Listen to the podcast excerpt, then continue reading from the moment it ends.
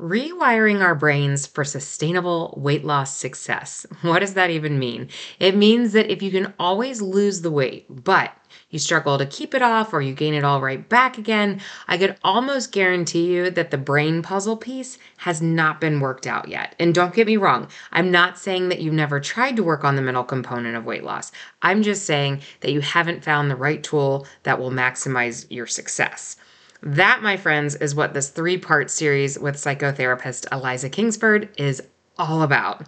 Eliza is hand holding us through tools and thought processes like habitual patterns, emotional regulation, nervous system response, beliefs and paradigms, rewiring neural pathways, oh, so much more. But that rewiring of the neural pathways have you ever heard of neuroplasticity?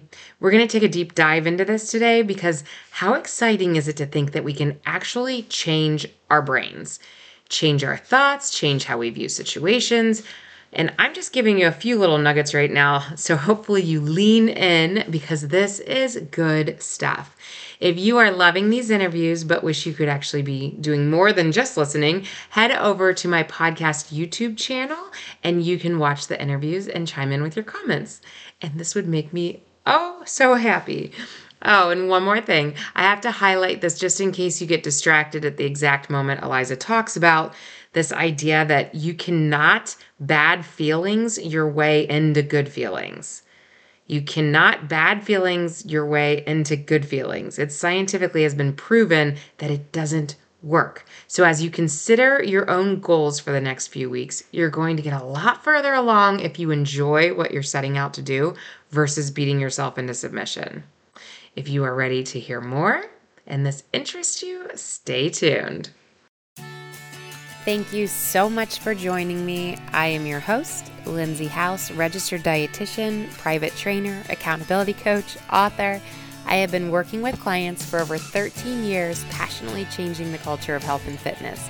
I'm out here smashing scales, helping individuals rewrite the rules to what success looks like in their life. I want to change generational thinking. No more all or nothing mentality. Get rid of the diets and believe in the individualized journey.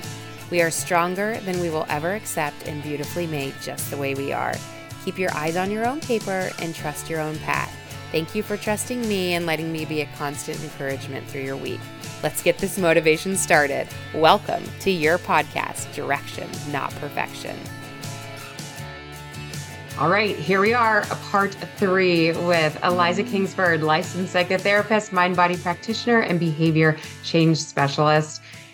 I am drooling over this series. I'm geeking out. I'm loving, and I hope that you're enjoying as much as mm-hmm. I am, audience, and coming with your pen and paper. Last week, we talked about a lot. We talked about these deposits, and we're going to dive into a lot of this. But I feel like what I need you to know is Eliza is providing this beautiful base of information and all these foundational tools and thoughts.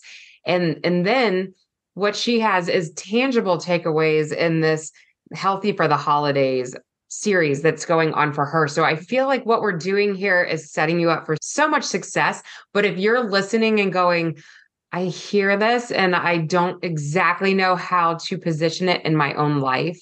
Yeah. You need to flip over to that. And then I'm going to, again, shush and hand the mic back over to Eliza so that you can give a little more promo on that as well as take us into our next topic to finish us out in this three part series. Hi, Eliza. Hi, we're having so much fun. We we think it's fun. I hope the listeners also think it's fun.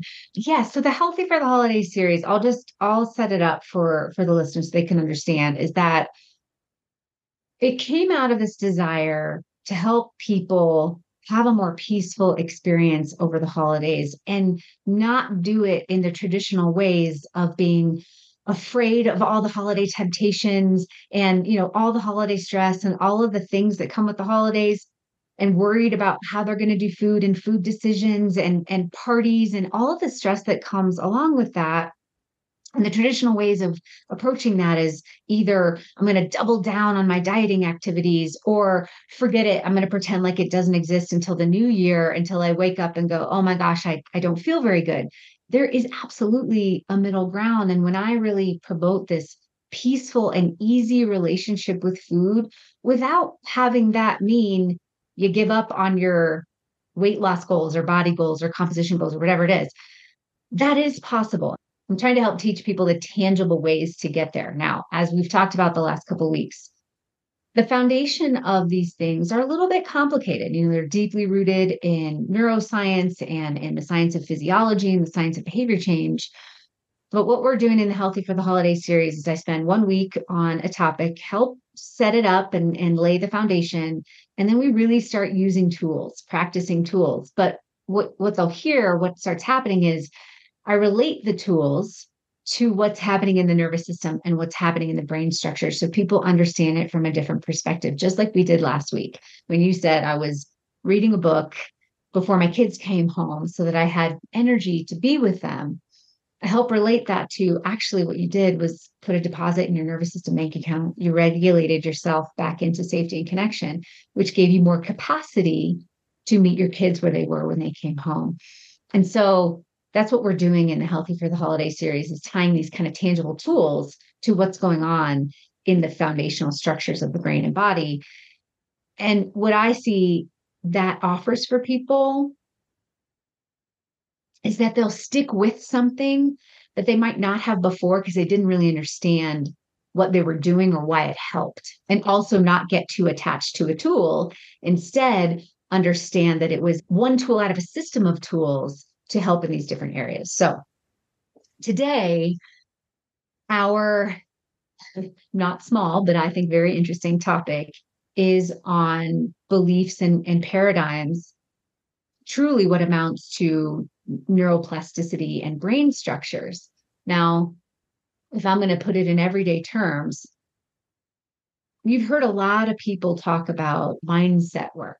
Mindset work is, is good we'll hear a lot of people talk about mindset work and what they really mean is you know our, our thoughts are powerful and and you know you have to have a growth mindset and changing your mind can change your life. We've heard all these quips before.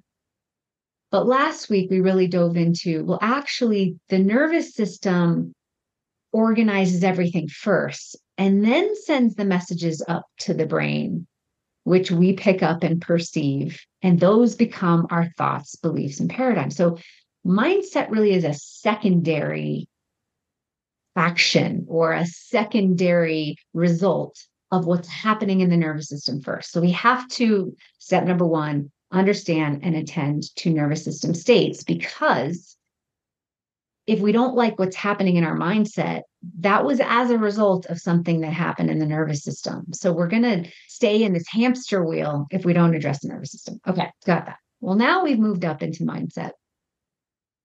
And by mindset, we're really talking about thoughts and beliefs and paradigms. For example, if your listeners are struggling with with food or weight in any in any type of way, you would ask them, what do you believe to be true about weight loss? Just in general, what do you believe to be true about weight loss? And specifically weight loss for you, right? Not because we're talking about weight loss, but it's just to get a sense of mindset and paradigms, paradigms and beliefs, right? Things that I hear a lot are it's really hard, it's not sustainable, it will fail. Even if I lose weight, I don't know how to keep it off. It's too hard to lose weight. I'll have to give up everything I like. Um, those are sets of beliefs, right? Very simply, if we want to know what we're talking about, beliefs and paradigms, ask a question like that and you'll get a set of beliefs.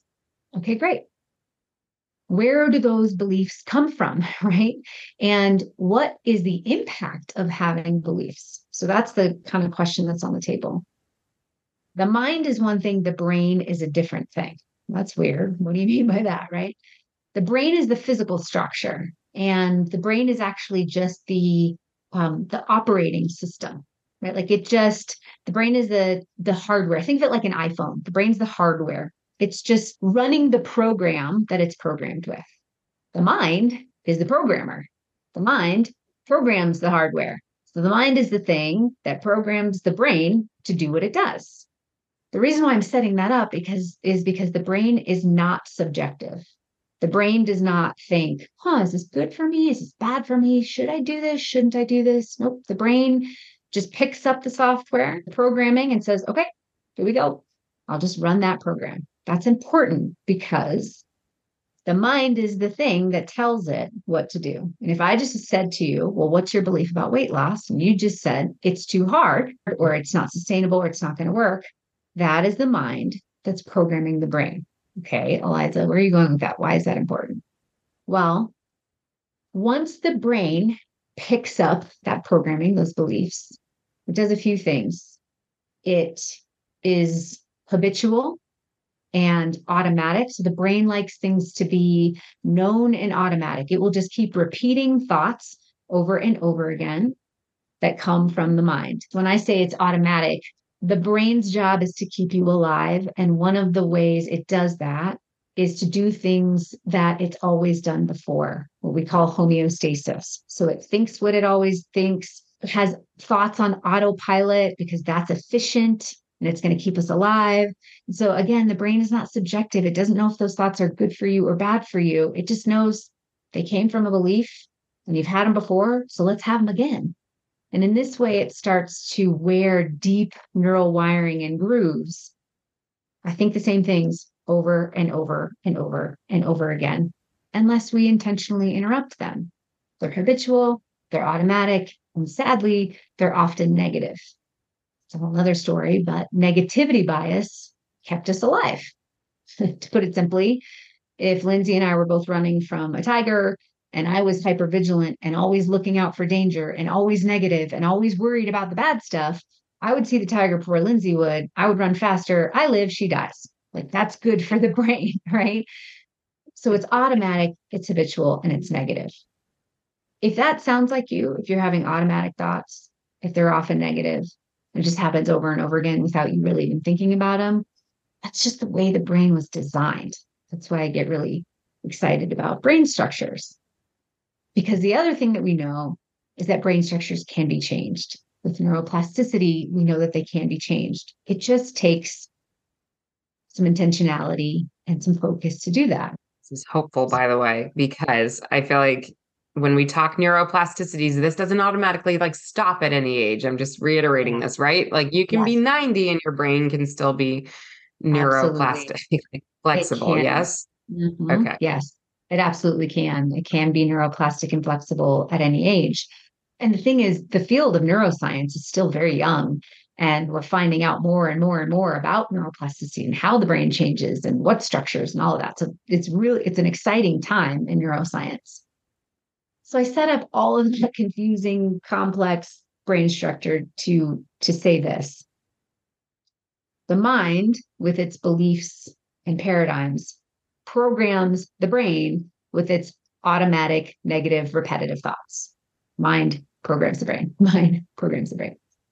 One more important piece of this is that once the brain has been programmed, it also has a filtering system. And the filtering system filters information to us and away from us based on the mind's programming. For example, Lindsey decides she wants to go out and buy a white Subaru. All of a sudden, she, her mind, I like the white Subaru. Program the brain. White Subarus are important. And Lindsey will see white Subarus all over the streets, right? You ever had that happen before? Mm-hmm. Lindsey will see white Subarus everywhere. It wasn't because white Subarus weren't there before, but it's too much information for the brain to pick up everything and keep it. So it only filters information that's important to us. So white Subarus weren't important to Lindsey before, so she never saw them that should feel very important to your listeners right now. And they should start thinking, what is being filtered to me and away from me? What am I not seeing? What am I not aware of? What is being filtered away from me based on what my mind has programmed my brain with? Everyone should start thinking that. And not so much trying to figure out what is being filtered away, but more so being aware that there are things being filtered away, things that you're not aware of, things that you don't see, things that you miss, because the brain, again, not subjective, doesn't know if it's good for you or it's bad for you. It's being programmed by the mind. You have said something like, weight loss is hard. It's never going to work for me. Even if I lose it, it's not sustainable or whatever and therefore, the brain does its job and says, okay, I will filter all information in the contrary to that away from you. And I will make you hyper aware of the information that supports that idea. So now we've come to the crux of this. Yes. Mm-hmm. Your beliefs activate certain brain structures that are designed to keep the body alive. Those brain structures are things like negativity bias, automatic thoughts, and the filtering system that will filter things to you and away from you that are congruent with those beliefs. Right now, with your listeners and their pen and paper, it's a good mm-hmm. idea to get clear in any area of your life that you are feeling stuck. What are your beliefs about that area? And, and the way that they could do that is to just say, in the area that they're stuck in, what do I believe about this? What has happened for me in the past? What do I believe is possible for me in the future? And just let it flow.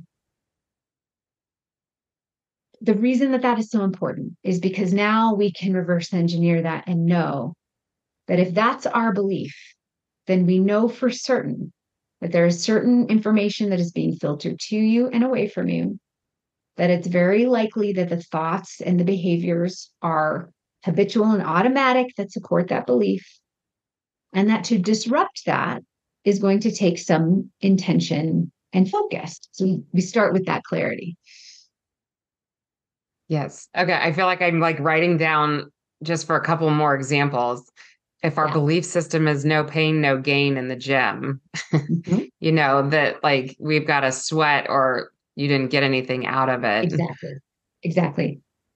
That's right. exactly it. And and it and I love that you pointed out that specific belief because it's kind of benign, you know? It's it's not one of those really hard ones like I'm a failure and nothing's ever going to work for me. It's a it's a slogan that we've picked up. No pain, no gain. But the impact of that is as you said, if I don't sweat or if I don't work out for, you know, insert amount of time, or if it's not CrossFit, or if it's not high intensity, then it's not worth it. Uh oh. Well, it has a big impact on us in, in every area of our lives, like sustainability and consistency. And what if I can't get to the gym? And, you know, well, what if it doesn't work into my schedule for that day? Makes things exactly. What if I'm injured? Exactly. Mm-hmm. Then what happens? Mm-hmm. Oh, well, now this cascade of consequences that stems from that belief. Right. And being in my 40s, I feel like another example. I'm just trying to do this so our listeners can like loop in on whatever makes sense in their life yeah. with this yeah. neuroplasticity, but like single girlfriends who are like, there are no good guys left out in the world. Absolutely. so they're not seeing any of the good guys left out in the world where that that is not the case, right? Like 100% that is not the case. And what is happening for them? And again, I like to explain these things because I want to give people hope and and understand that there is a possibility for things to be different. So I'm hoping that that that this lands not from a, a critical perspective, but but from the place of hope. If the single woman in her 40s has a belief that there's no good guys left out there, that starts to organize information. And the, and the, the problem is, as the information gets filtered to them, C, this guy was no good. C, this guy was no good. C, that didn't work out. C, that didn't work out. It just further deepens those grooves as evidence. Lindsey, I'll give you 20 pieces of evidence why that is true. And I always mm-hmm. lovingly say to my clients, I believe you. I know why you're getting that evidence. Believe me, I believe you that you will bring me a full body of evidence for why that's true because that is all the evidence that's being filtered to you. And listen, we're not going to go down this this route at all. But everybody saw this as a collective humanity during the COVID pandemic. And I'm not I'm not going into that situation, but everybody saw the information that was filtered to you and what we did with that information was different for a lot of people. And I think for one of the first times we saw, interesting, that person is is experiencing this and this person is experiencing this, but I, that's how I'm experiencing it, right? It happens for us in every area of our lives. And so your single friend who believes that there's no good guys out there is going to get evidence to support that belief. Uh, that's the way that the brain is designed. It would be really inefficient for the brain to keep trying to fight that. It would make the brain tired, I should say. When we decide to disrupt that, it does make the brain tired. It does make the body tired. It does impact the nervous system when we start to disrupt those structures because now it's not on the path of homeostasis, least resistance, automatic thought. It takes more energy, it takes more capacity, it takes more effort, which can make us feel tired. That's how we know neuroplasticity is starting to work because it feels mm. kind of hard and difficult. The brain's going, hold on a minute. I keep trying to tell you that there's no good guys out there and you keep trying to fight with me. Why are you doing that? It's I'm tired, right? So I think it's so important, as we said, for people to start thinking about what might be getting filtered to me and away from me if this is my belief system, which does allow us the opportunity to start to rewrite and say, okay, what would I like to believe? So we'll go with the example of your single single friend at 40 what i might like to believe is that there's possibilities everywhere. What i might like to believe is that it's possible for me to be in a healthy loving relationship. What i might like to believe is that it's possible that there's a good partner for me somewhere even though i can't see it. And if we start to relentlessly refocus in that direction, this is one of the coolest things. People will start to see the brain brings information to support that belief. Again, that's why I say brain is not subjective. If you decide to change the structures, it will reorganize in favor of where you want to go. Not without effort or in, or intention or focus, but it will. And you'll start to pick up those signs and see things that you didn't see before and find opportunities that you thought weren't there. They were there all along, just like the white Subarus. It's just you'd filtered them mm-hmm. out, you know? Rewrite the no pain, no gain one. I'm loving yeah. to hear out of you the rewriting of this. Okay. Yeah, no pain, no gain. So essentially what I'm hearing is what you want is gain. Right? So what is the gain that you want? Do you want strength? Do you want longevity? Do you want flexibility? Do you want mobility? Do you want you tell me put the gain in there. Tell me what you want, and then I'll rewrite it. Hmm. As in, if I were to say no pain, no gain, essentially what that is saying in my mind is you need to work for what you want. Okay, so we'll call it weight loss. And essentially, if you have attached before no pain, then you won't get the weight loss. Instead, we could write it to with consistent effort, I can get what I want. With consistent focus, I could get what I want. With movement, I could get what I want. Write it however you want. The thing is, that part is so it's such a new concept for people when they're in this in this weight loss space and they have looked externally for everyone to tell them what to do to be successful for so long so when I ask them to write what it is that they want, what do you want to feel? What do you want to experience? It's hard for them because they're going, yeah, but this person told me that I wouldn't get it unless it looks like this. And this person told me that I wouldn't get it unless it looks like this. So I don't even know what I want. I would write no pain, no gain, as in with the foundational aspects of weight loss, I could do whatever I want. So, for example, if I've created a caloric deficit somewhere, I could walk, I could swim, I could yoga, I could, you know, and movement puts deposits in my bank. So for me, mm. putting more nervous system deposits in my bank creates the outcomes that I want. So no pain, no gain becomes what do I like to do? How do I like to move consistently? What would consistent movement look like for me? That also feels really rewarding and enjoyable. And people will say, well, that's not going to lead me to weight loss. And I'll say, it is because you like it and you're going to do it consistently and it feels good. So you're going to do it consistently. And the more consistently you do things, the more you're going to end up where you want. I don't know if I rewrote that for you.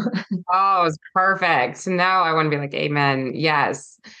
Yes. And then I think like visuals come to my mind too when we need to rewrite. Sometimes we need to like seek that external visual that's being fed to us. And when I think no pain, we'll stick with that example no pain, no gain. Yeah. It's because we see that super fit model who's like yeah. pounding the pavement or sweating it out at the gym. And it's like we need to find that other person that we could aspire to be, not look like necessarily, but that they're the ones walking or enjoying a talk with a friends. Like we just need to find new evidence of what of what that can look like. So it's rewriting everything. It's our thoughts as well as our visuals, I feel. It absolutely is thoughts and visuals. And, you know, the other piece of the no pain, in other words, to me, it felt like punishment, right? If I don't punish myself, then I won't get to where I want to go.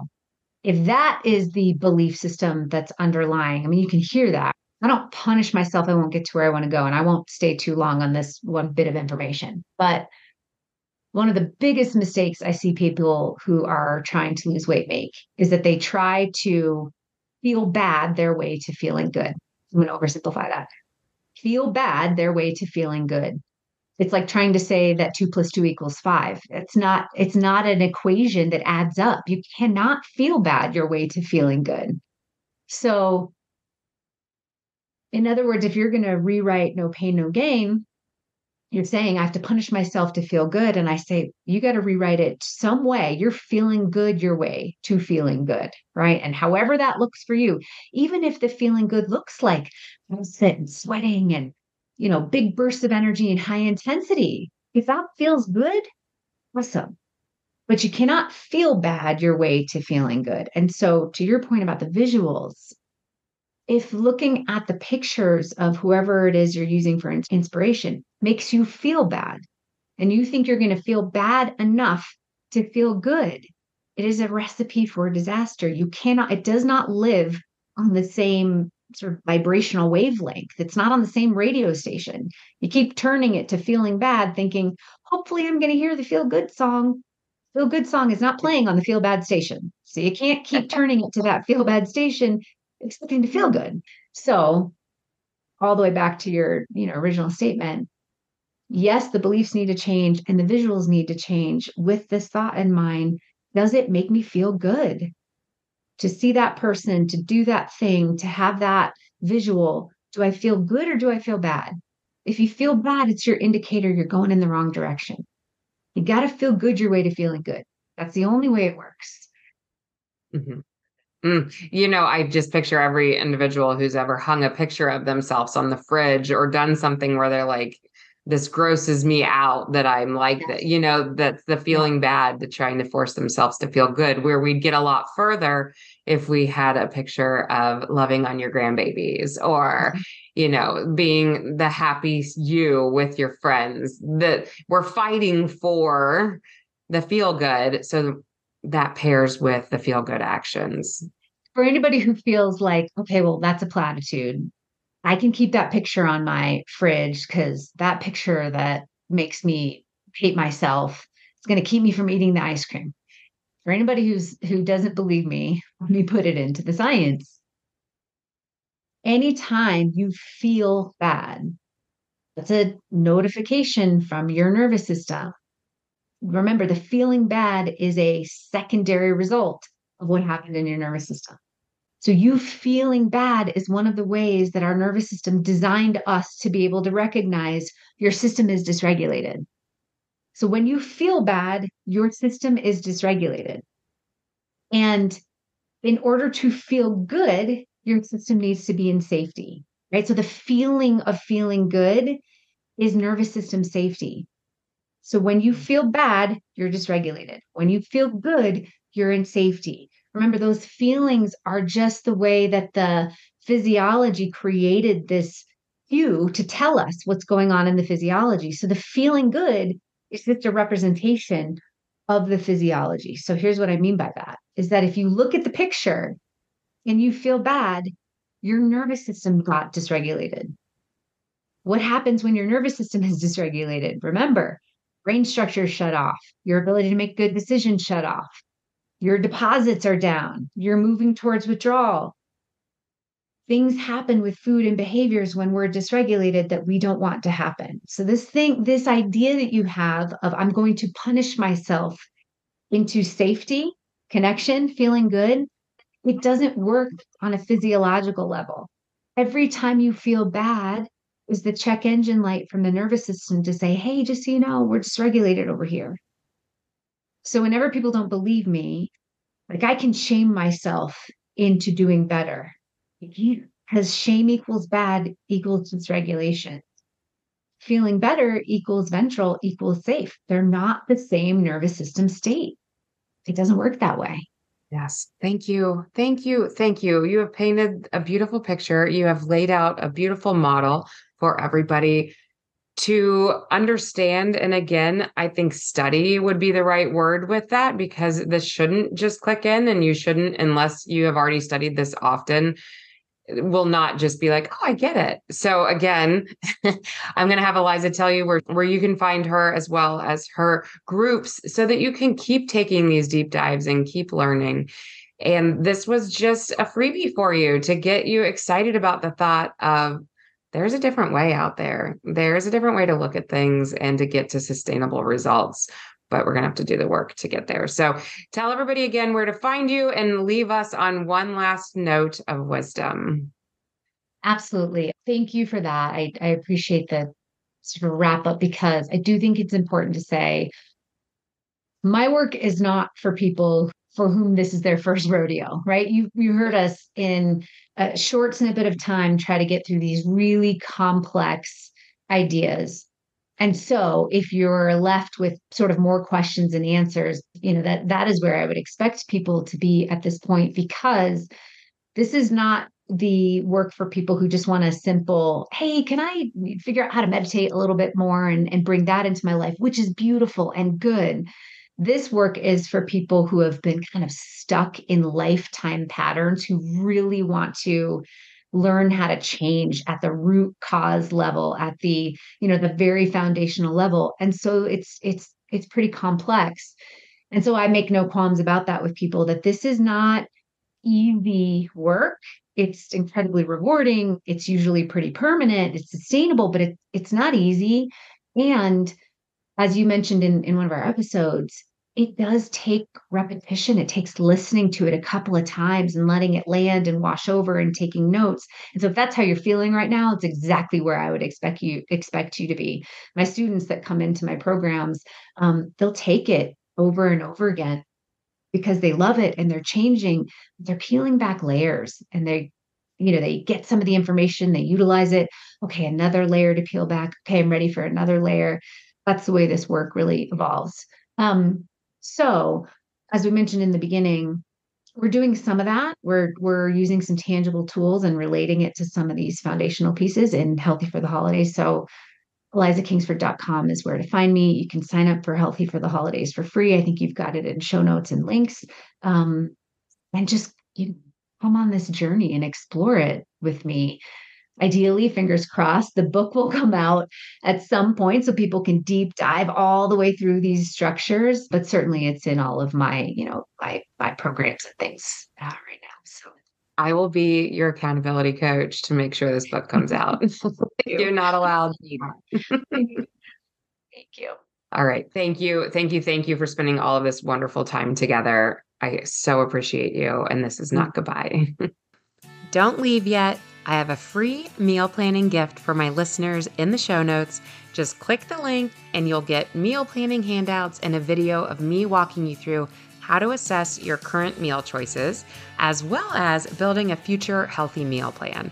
This would be something I would do if we were sitting across the desk in a consult together. It is meant to be a jumpstart for immediate as well as long term meal planning success, and I will continue to offer more helpful guides and ideas as we go. Thank you again so much for joining me today. If this topic served any purpose for you, or you can picture that exact person who needed this, I'm always honored when you share the podcast. We are making 2023 the year that we are going to pour motivation and inspiration onto others. I also always appreciate it when you leave a review on iTunes and rate the podcast. I send you off with all the praise and momentum you deserve for staying open minded to new information and the idea that our journey will look different now, five years from now. Slow and steady, y'all. It's not always instant gratification and it's not always that exciting, but a much gentler and redeeming path that will serve you well throughout all the years and every season of life. Cheers to health and happiness.